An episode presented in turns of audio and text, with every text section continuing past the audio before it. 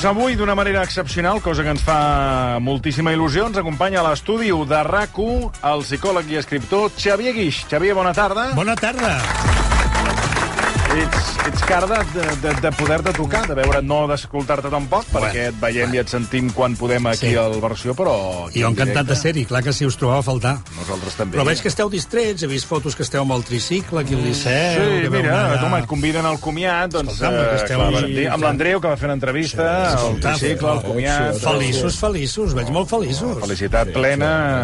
eh, bueno, quasi, quasi, quasi, quasi, Quasi, plena. quasi plena, quasi, quasi. Parlant de la felicitat, ara entrenem de ple amb el teu llibre, La ley del reflejo, però abans, avui m'ha sorprès una, una, un estudi d'una recerca científica que eh, diu, ve a dir, eh, concretament l'estudi és de la Universitat de Harvard, ha fet una, una, una, una cerca que eh, durant 70 anys, senyor Marcelí, i el que m'ha Mhm. m'ha cridat l'atenció és que la clau per ser veritablement feliç eh, resideix en les relacions amistoses, familiars i romàntiques eh, que tinguem. No. La pregunta que li faig al Xavier Guix és eh, 70 anys per arribar a aquesta conclusió? És sorprenent, perquè tota, de, des de fa anys i panys que es fan... Eh, Estudis, la felicitat. Estudis de la felicitat, tots van a al mateix lloc, i aquell lloc ja hi va arribar Aristòtil, uns quants segles molt abans que nosaltres. I Aristòtil ja ho deia, dels grans valors i les grans virtuts, una de les més grans és l'amistat.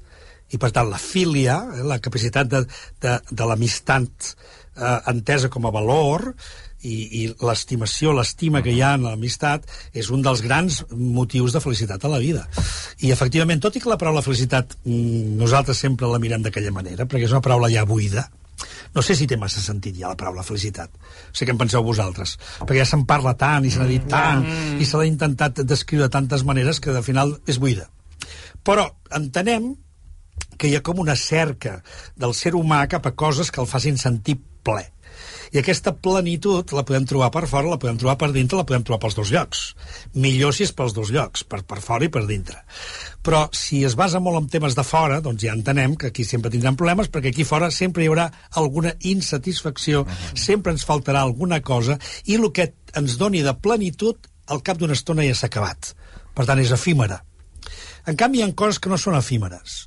I l'estima, l'amor que pot haver entre les persones, és realment una cosa que l'entenem, que és un baluart que es manté en el temps sempre i quan es cuidi, sempre i quan es tingui en compte i sempre i quan se li doni la importància que s'ha de donar. Sí, sí, m'ha cridat l'atenció que, que, clar, que després de 70 anys arribin a aquesta conclusió. Dius, home, podíeu, haver- podíeu haver Sí. acabat abans l'estudi. I a més que tots van a pel mateix... Si cada cop que s'ha fet un estudi ha anat a pel mateix lloc, cada vegada. Abans de l'Aristòtel ningú va dir res. Però abans dels grecs ningú deia res. Sí, bueno, les escoles hel·lenístiques també van parlar molt de tot això, però, és a dir, que sí, però, però de sempre s'ha parlat sobre la importància del tema de l'estima, l'amor, no? Però no és un amor entès com l'amorcito del corazón, l'amorcito que, que se'ns trenca el cor, sinó que sempre parlen d'un amor profund, un amor de la vida, un amor de, de la divinitat, aleshores parlen més d'una interioritat en la qual un troba la plenitud de la vida. Per què? Perquè és l'únic que sempre es manté, no és efímer, i pots comptar sempre que ho trobaràs. La resta, A, fins i tot l'amistat, A, arriba un dia que A. Um, feia temps que volíem parlar amb el Xavier Guix perquè a l'octubre va, va sortir, el podeu trobar a les llibreries, el seu darrer llibre, La ley del reflejo, uh, el 13è llibre, i reconeixes que potser és el, el millor llibre que has escrit fins ara. Sí. Um, Sí. I l'has concentrat o l'has uh, l'has el- en fi, vinculat al que són els autoenganys. Sí. Uh, això què vol dir? Que en la teva consulta darrerament has detectat que, que permanentment o cada cop ja uh, vivim més en l'autoengany? No, això és, això és etern, també, és un altre eterno, L'autoengany. eh, que el senyor Freud, Sí. per, per citar potser els referents més antics, doncs el senyor Freud ja ens va parlar dels mecanismes de defensa de l'ego, que són intents de protegir la nostra psicologia. És a dir, de no patir, de no angoixar-nos. I aleshores, entre aquests diferents mecanismes, que em va citar 5 o 6, mm. potser un dels més importants és el que parla el llibre. El meu llibre eh, agafa una mica la, la idea del, de l'espejo i el reflejo, el Sí, reflejo perquè bueno, però l'espejo. la ley del reflejo, eh? sí. Però, en realitat, és la projecció. Per tant, un mecanisme molt humà és projectar en els altres el que és propi. I el, el bo del cas és, Toni, és que no ens en donem compte. Bueno, tu dius en el llibre, dius que el primer gran autoengany que ens fem és considerar que el jo, és a dir, que nosaltres dirigim, dirigim la nostra vida. Sí. Quan tu dius que en realitat qui ho fa és l'inconscient. Sí, això, això, Això vol, dir, això vol dir que, eh, et pregunto, eh, que quan prenem una decisió, en el fons l'està prenent el nostre subconscient, tot I i, que li hem donat 34 voltes pensant que ho fa el nostre conscient? Sí, però aquestes 34 voltes que has fet Sí. són les 34 voltes que dones sempre que has de prendre una decisió. Sí, però, però pe- pensant... Eh, Que estàs Xavier, prenent una decisió. Que conscient. No, com tu dius en el llibre, que en el fons la pren l'inconscient. Sí, ja està presa de fa molt de temps. Però no ens en donem compte. Aleshores, creiem que nosaltres tenim lliure albir i que, per tant, sí. doncs, si pensem les coses passaran com nosaltres esperem que passin. Si fos així, Toni, mm -hmm. si només per pensar mm. la cosa, Sí. la cosa Sí, fos... sí, allò que dius... Eh, Ho he pensat. la cosa vull que vagi per aquí o anirem per aquí. Llavors, Exacte. escolta, no tindríem... Llavors sí que seríem feliços, Toni. Llavors sí que seríem feliços. Llavors, segurament una part de la infelicitat és que ens proposem moltíssimes coses i no funcionen mai. I, per tant, doncs, aquí és on un ha de descobrir tard o d'hora que, efectivament, per molt que el meu jo estigui aquí donant-li voltes i donant-li voltes, hem d'aprendre d'una vegada que de nosaltres només depèn la decisió. La decisió. El resultat mai dependrà de nosaltres. El resultat mm. sempre depèn de moltes altres mm. coses que poden passar. Però és que fins i tot la decisió és una decisió que pren el nostre inconscient. Per què? Doncs perquè la nostra consciència, el que hem sigut capaços de desenvolupar fins al dia d'avui, s'expressa justament des de que hem sigut capaços de desenvolupar. Què vol dir? La, la consciència que tinc de mi mateix ara és la que tinc. Et posaré un exemple moltes persones diuen oh, és que si no hagués fet a la vida allò que vaig fer, si no hagués pres aquella decisió, mm. oh, és que si hagués agafat aquella noia en lloc d'aquella altra, Ara. oh, és que si hagués canviat... No sé. O a l'inrevés.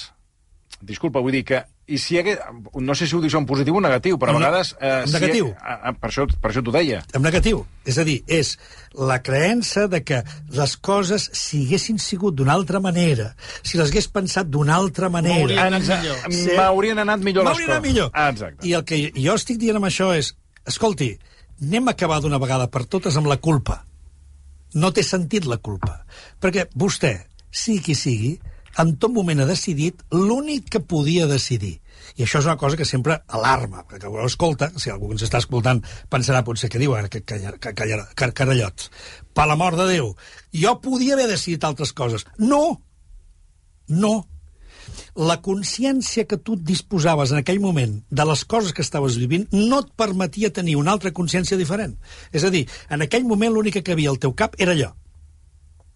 I fixa't, Toni, ha hagut de passar allò que et va passar perquè prenguessis la lliçó després i després fossis capaç de dir ah, doncs sí, ho hauria d'haver fet d'una altra manera. Però per tenir aquesta consciència de dir ho hauria de fer d'una altra manera, primer he hagut de passar per aquesta.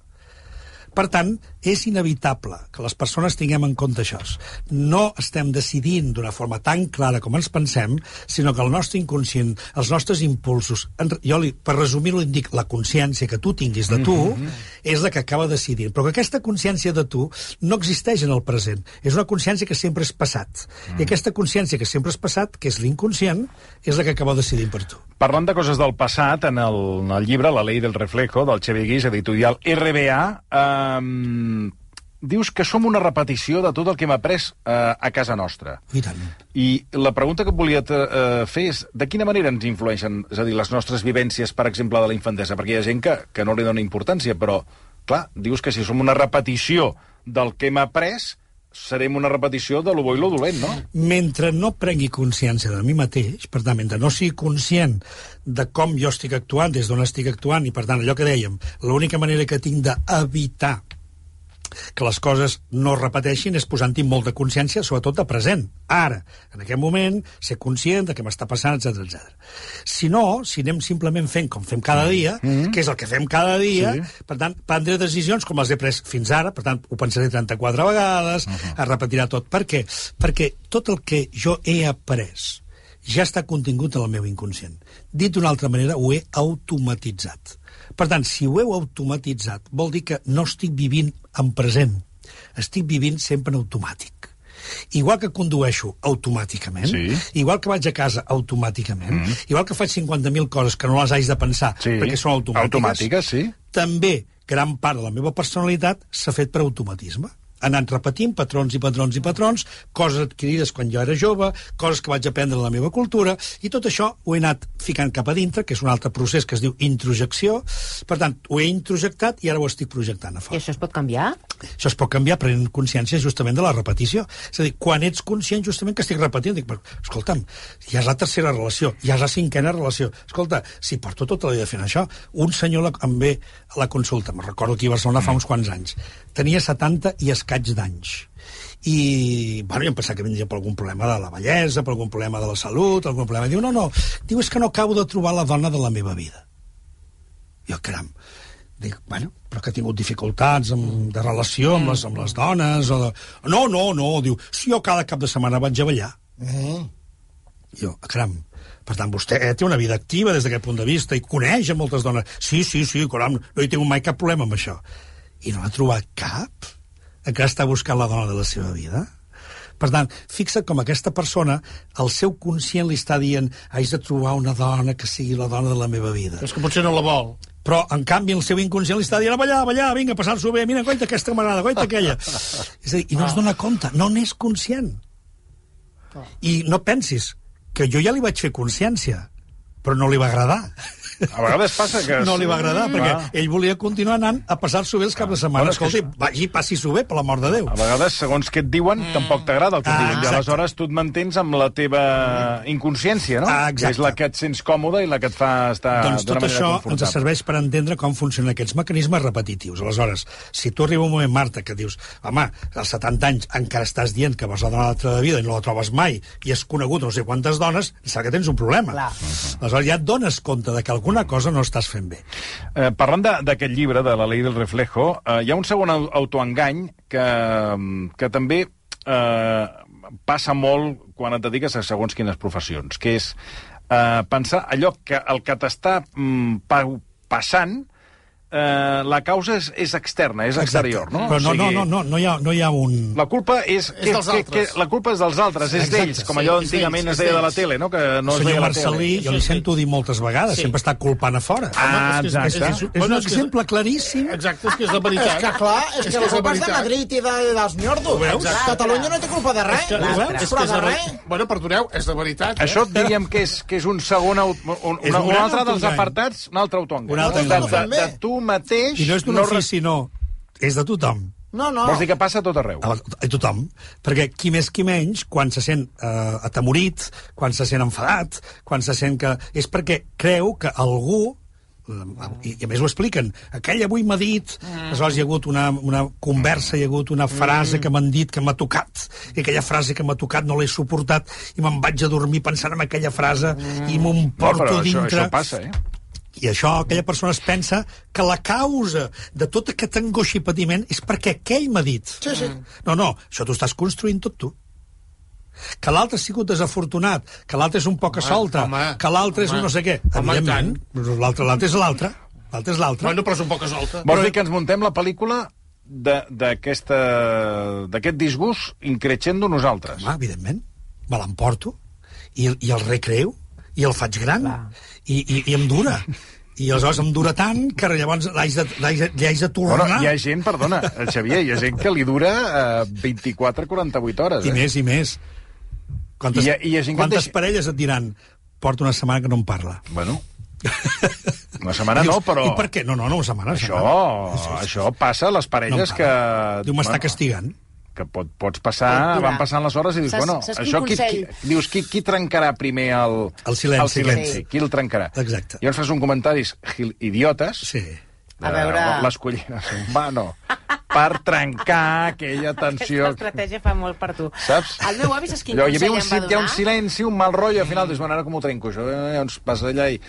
On van les colletes? Fas la la, brometa. la, la, la llet, eh, la llet pots dir que no s'ha caducat, ja fas, saps? Com una, Clar. una pregunta així. Ja es trenca el gel. Ja trenca, Per trencar, que a vegades no el trenques. No, clar, perquè l'altre diu ara aquest està intentant Sí, sí. Ah, programa exacte, de les culleres exacte. eh? I, i tenim allò Exacte, pendent. exacte. El meu avi em va dir, no te'n vagis a dormir mai, mai enfadada, mai. Exacte. Si has tingut un problema, el resols aquell moment i si no és l'altre, de- fa, vas tu. I el resols i no te'n vagis a dormir enfadada. Jo li he fet cas i de moment bé. No, és Però si que és, és, un, és un gran consell. No, no, De és un gran bé. consell de... Jo estic que sempre enfadada. Sempre que estàs enfadada. La, la meva dona també l'aplica, l'aplica, a vegades costa, però l'aplica. Costa sobretot amb els fills, que on sí que Clar. no els hi ve d'un dia o dos. Clar. de- Però de- la idea al final, la idea al final és creure que és l'altre, o els altres, Clar. o la vida, Mm. o Clar. el govern, Sí, sí, el o la govern. política, El- o el futbol, o la selecció, Ara. el que està causant que jo me'n vagi avui a dormir destrossat. I és per l'amor de Déu. Això només depèn de tu. No. No depèn de la, de la selecció ni depèn de les coses que passen. Ara que les coses que passen ens generen mals estars, generen mals rotllos, hi han situacions incòmodes, hi han, hi han coses desagradables a la vida. Absolutament d'acord, és clar que sí. Però recordeu que sempre allò que jo acabo atribuint a les coses no depèn de les coses, depèn només de mi. Això, sis segles abans de Cris, ja ho deia Epíctet, dels estoics. Hombre, Eh? es El el que- filósofo que a mí me gusta. Sí, Exacte. és el filo, sí, tampoc ha servido de mucho, però bueno, bueno. pero por lo menos... Sí, sí, és un dels que eh, Eh? ha llegit i ha explicat als Exacte. jugadors de la selecció espanyola. Per tant, els he dit, segurament, doncs això, és de dir, escolta, els, a- primer, el d'abans que hem dit abans, eh? les coses no depenen tot de nosaltres, sinó de, depèn també d'altres De los penaltis. Nosaltres hem de fer el que nosaltres sabem fer. Però la segona important és, ei, la causa del nostre malestar profund és allò que m'explico a mi mateix sobre allò que m'ha passat. Passat coses lletges, sí. Hi ha gent que és desagradable, sí. Hi ha gent que costa molt, hi ha gent que, a més a més, fins i tot és indesitjable. escarosa. Sí. Ara bé, que jo me'n vagi amb això al llit ja és cosa meva. Ens han de patinar les coses, no? Les, una mica... posar-les al seu lloc. Ah. Més que patinar, posar-les al seu lloc, perquè hi ha coses que potser naix d'aprendre, i per tant no en poden patinar, sinó que naix d'aprendre. Ara, naix d'aprendre. I aprendre vol dir que les haig d'elaborar i haig de veure quin nivell d'importància tenen per mi. Mm. Toni, quan una persona es fa aquesta pregunta, i crec que tu te l'has fet més d'un cop, mm. què és important per mi? Mm. Arribes a la conclusió que són molt poques coses. Sí, amb això tens, tens tota la raó. Um, agafant el títol del llibre, La ley del reflejo, la versió més popular dels mecanismes d'autoengany assegures en el llibre que és Sí. l'anomenada llei del mirall, Sí. o fins i tot la llei del reflex, que Sí. encara és més precisa i dona títol, eh, com dèiem, a aquest llibre. Sí. A veure, a què us referiu els psicòlegs quan parleu d'aquesta llei del reflex? Sí, Què, això- què, vol dir això? Uh, que tot allò que et desagrada Sí. sí. i t'irrita molt d'algú, D'algú, eh? d'algú o t'atrau extraordinàriament d'algú, però fixa que estic bus- buscant eh, paraules radicals. Sí, sí. O, o et desagrada i t'irrita, o t'agrada. Per, però, però molt. Sí, sí, Eh? sí, molt, a l'extrem. Vol dir que tu en aquesta persona, aquesta persona t'està mostrant algun aspecte que té a veure amb tu. Com? Sí, ara ens hem quedat. A veure... eh, Té pots- que veure amb tu. Aquí la, la, la Cailà No, seguirà el fil ah, ah. perquè... No, no, és que veure, jo que pens, he pensat pràctic, igual que tu. moltes. perquè- El, diuen que el Buda deia tot allò que et molesta dels altres és Sí. sí. algo que no es resol amb tu. És a dir, que nosaltres acabem veient la viga en l'ull de l'altre Sí. eh? i no O sigui- veiem la palleta en el nostre. Què vol no dir? sé si estic d'acord, eh? Tot o allò... sigui, si veus algú, per exemple, imagina't, Ai, que- no suporto aquest tio perquè té un ego com una casa de pagès. Vinga, som-hi, som-hi, vinga, Per exemple, anem- no? anem- ah, perfecte, aquest té un perfecte. ego que, que no l'aguanto. Vol dir que tu, segons el que estàs dient, aleshores tu tens ego. Evidentment. Però, compte, Tens un ego gran. compte, no, no, no, compte. A veure. No vol dir que tu siguis igual que l'altre. Que aquí és on es confon tothom. I tothom s'escapa per aquí, perquè tothom va dir no, no, jo no tinc res a veure amb aquest que és un maleducat, que és un maltractador, Sí. jo no sóc una persona maltractadora, No. no. no, ja, ja. Però deixa'm que rasqui una miqueta. Tu no ets maltractadora, no, evidentment. Però com et tractes a tu mateixa? Et tractes bé? Et tractes amorosament? Et tractes com Déu mana, per dir-ho amb una expressió popular? O, o no? Perquè tu vas veient el, el maltractament fora, però el maltractament està dintre teu. Però escolta una cosa, Xavier, un moment, eh? Tu pots dir aquest maltractador fatal i tu tractar-te a tu bé i no Sí, maltractar ningú però i que sembli fatal el maltractament Clar. de l'altre. A veure si, si a, a totes les persones que els semblarà malament que una persona maltracti es tracta malament a si mateixes. No, jo no, no estic generalitzant, t'he posat un exemple.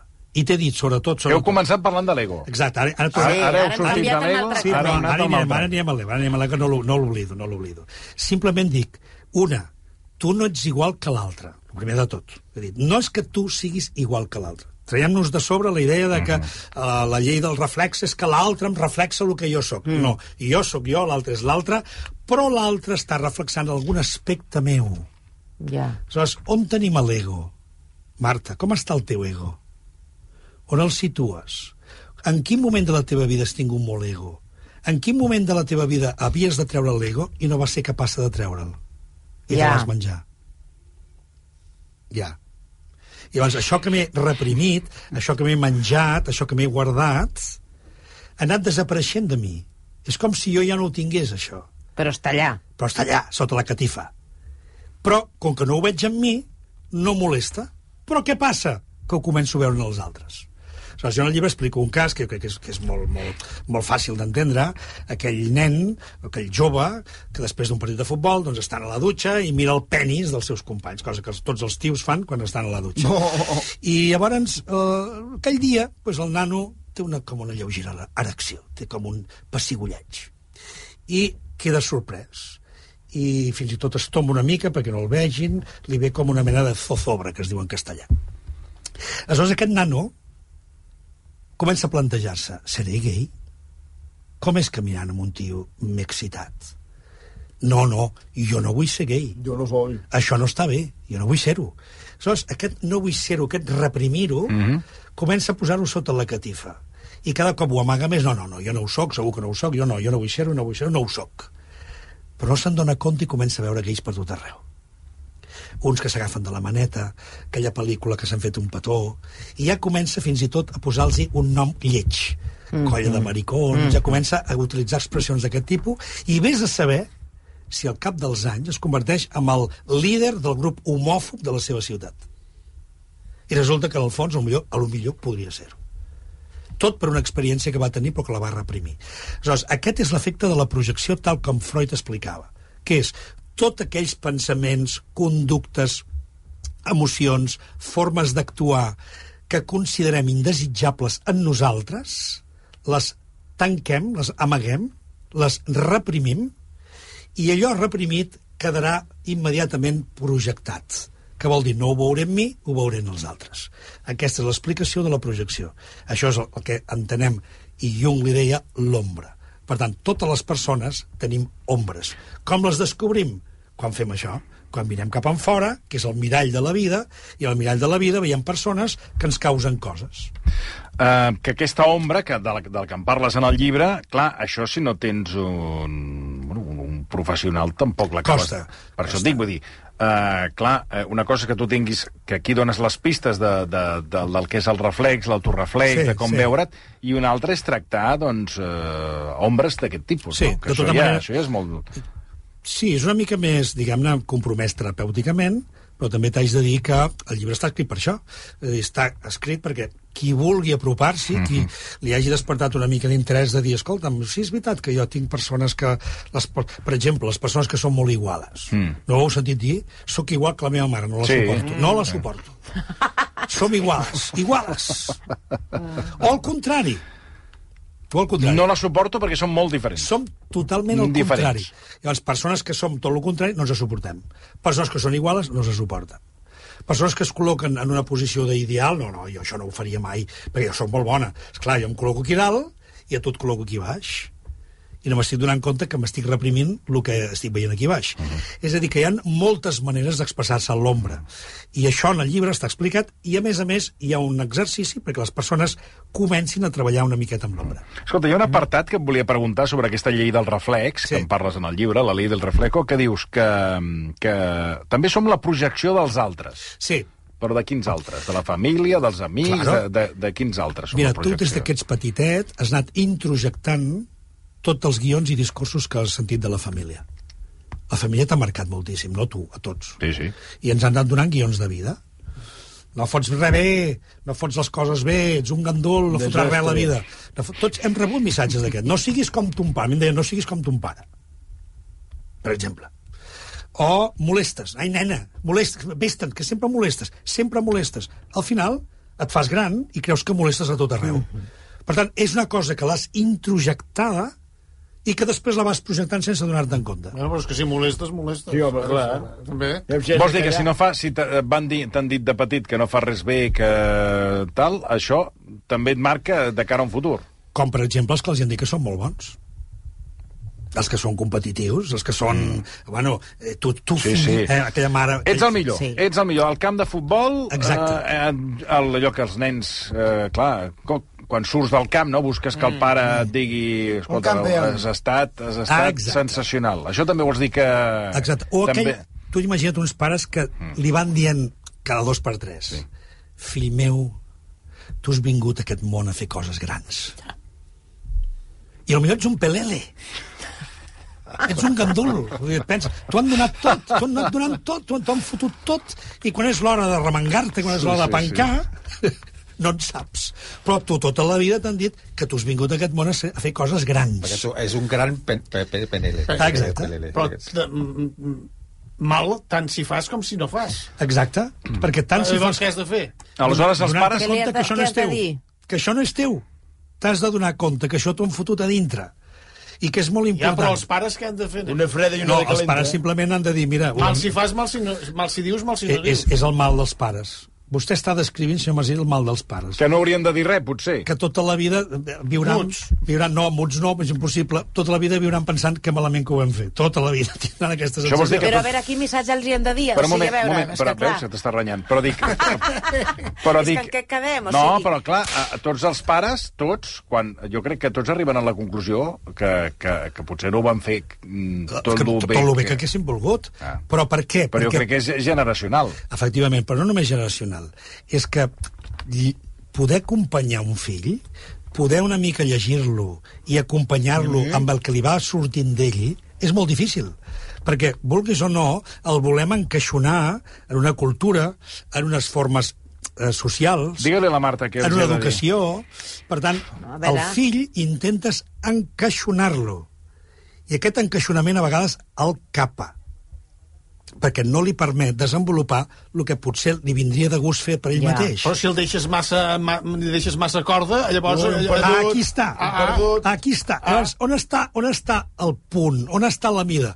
Cada pare i cada mare l'ha de trobar. Aquest, aquesta és la pregunta, no? Aquesta és la pregunta. Aquesta és la I que pregunta no té nen. resposta, perquè dependrà del nen, dependrà de la cultura, Cada cas és un dels món, pares. sí. Ah, això mateix. Perquè, Cada cas és un món. perquè altres generacions, jo recordo converses de pares que n'hi havia uns que eren de casa, escolta, van tots més rectes que un pal, Mare, i, escolta, mare, i després els fills surten torçats com, Sí. com Exacte. saps, com, com, com una manguera. Per això I, arriba un moment i, a la vida- En canvi d'altres que van deixant Clar. fer i que, bueno, que els seus fills finalment, doncs, escolta, doncs... Déu-n'hi-do, no? Déu-n'hi-do. O no. O es tornen un- uns bales perdudes. Bueno, jo estic posant, a veure, ja he posat els dos exemples. Jo dic que l'exemple aquest de casa tots van rectes i aquí això és Ara, una mena de, de quartelillo, doncs molt després els, el, aquests pals rectes Es els desfan. reboten. Toni, Clar. per què penses tu que cap als 40-50 parlem de la crisi de la mitja edat? Per això. Perquè arriba un moment que ens fem la gran pregunta, però jo qui sóc? Jo de què coi estic fet? Què és el que jo vull a la vida? Perquè fins ara he anat complint amb el que els pares m'han ficat a dintre, amb el que m'han dit que havia de ser, he complert amb tots els estàndards, o he fet tot el contrari. També hi ha la versió de tot el contrari. He sigut rebel, jo en compte de tot, i en compte de les normes. M'he passat la vida o bé sent molt obedient o bé sent molt reactiu, molt rebel. Però mai he decidit qui sé jo. I llavors arriba a mitjana edat, comença a decidir què vol ser. I per això no és estranyar que veiem persones que als 40-50 anys prenen decisions increïbles. Això seria allò de la crisi dels 40 o És va, això. va per barris, crisi dels 50? No sé si als 60 també hi ha crisis d'aquest tipus. Cada 10 anys hi ha una crisi. Ja, per De fet, cada no set. jo que en tinc De fet, 50, cada jo, set. no. jo que en tinc 55, me'n queden dos per tenir una, Estàs a punt a punt. Un, una crisi. Però la crisi no ve donada també... Pregunto, Xavier, eh? Van passant els anys i arriba un moment, hi ha, hi ha un moment, no sé per què, a la vida, que comences a fer balanç d'on Claro, ets i, i claro. fas balanç d'on volies arribar o què és el que tu volies fer o Sí. sí. quins eren els teus objectius i te n'adones que Un fracassat. cada, no, però vull dir que cada cop és més difícil d'arribar al que tu volies assolir. Ah, Ah, ah, sí. Pot ser a nivell professional, pot ser a nivell personal, pot ser a- de molts nivells, no?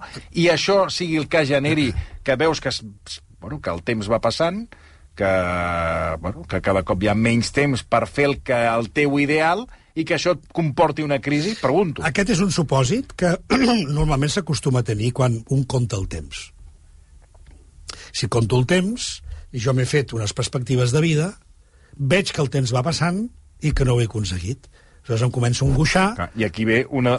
una angoixa. Una angoixa, Una angoixa la- gran que arriba un dia que s'ha de tractar. Què faig amb això? Mm. Però és que també pot passar el contrari, Toni. També pot passar que ho hagi assolit tot. Tot el que jo volia, ja ho he fet. Tots els calés que volia tenir, ja els tinc. I ara La faig? família que tenia, i ara què? Perquè encara em queda mitja vida. Per tant, eh, eh, aquí... Som- som complicats, Eh, som els- complicats els humans. Però això ens indica justament la grandesa del ser humà que és un ésser sempre en moviment, que sempre s'està fent.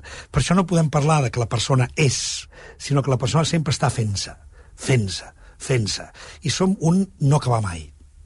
I per això arriba un moment que inquietuds, expectatives, il·lusions que teníem, ja està, ja s'han acabat. Ara en tinc unes altres, ara ve un altre Clar. moviment.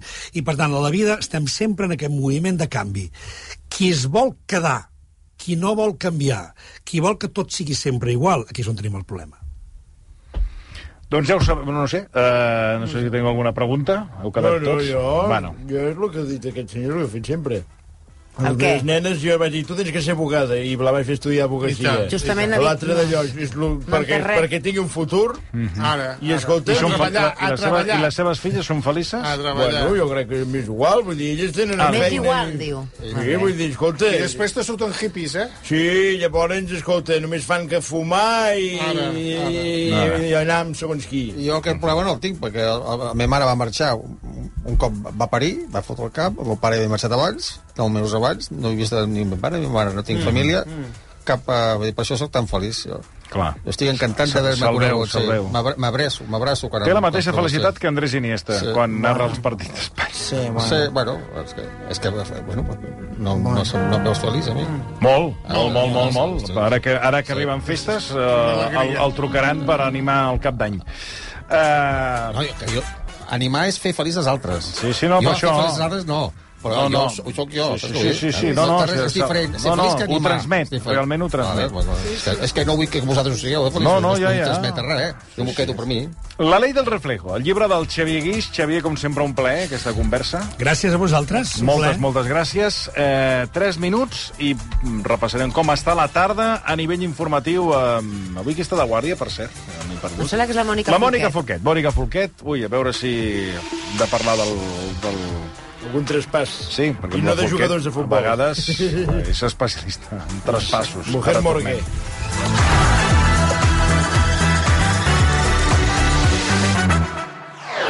Versió RAC 1.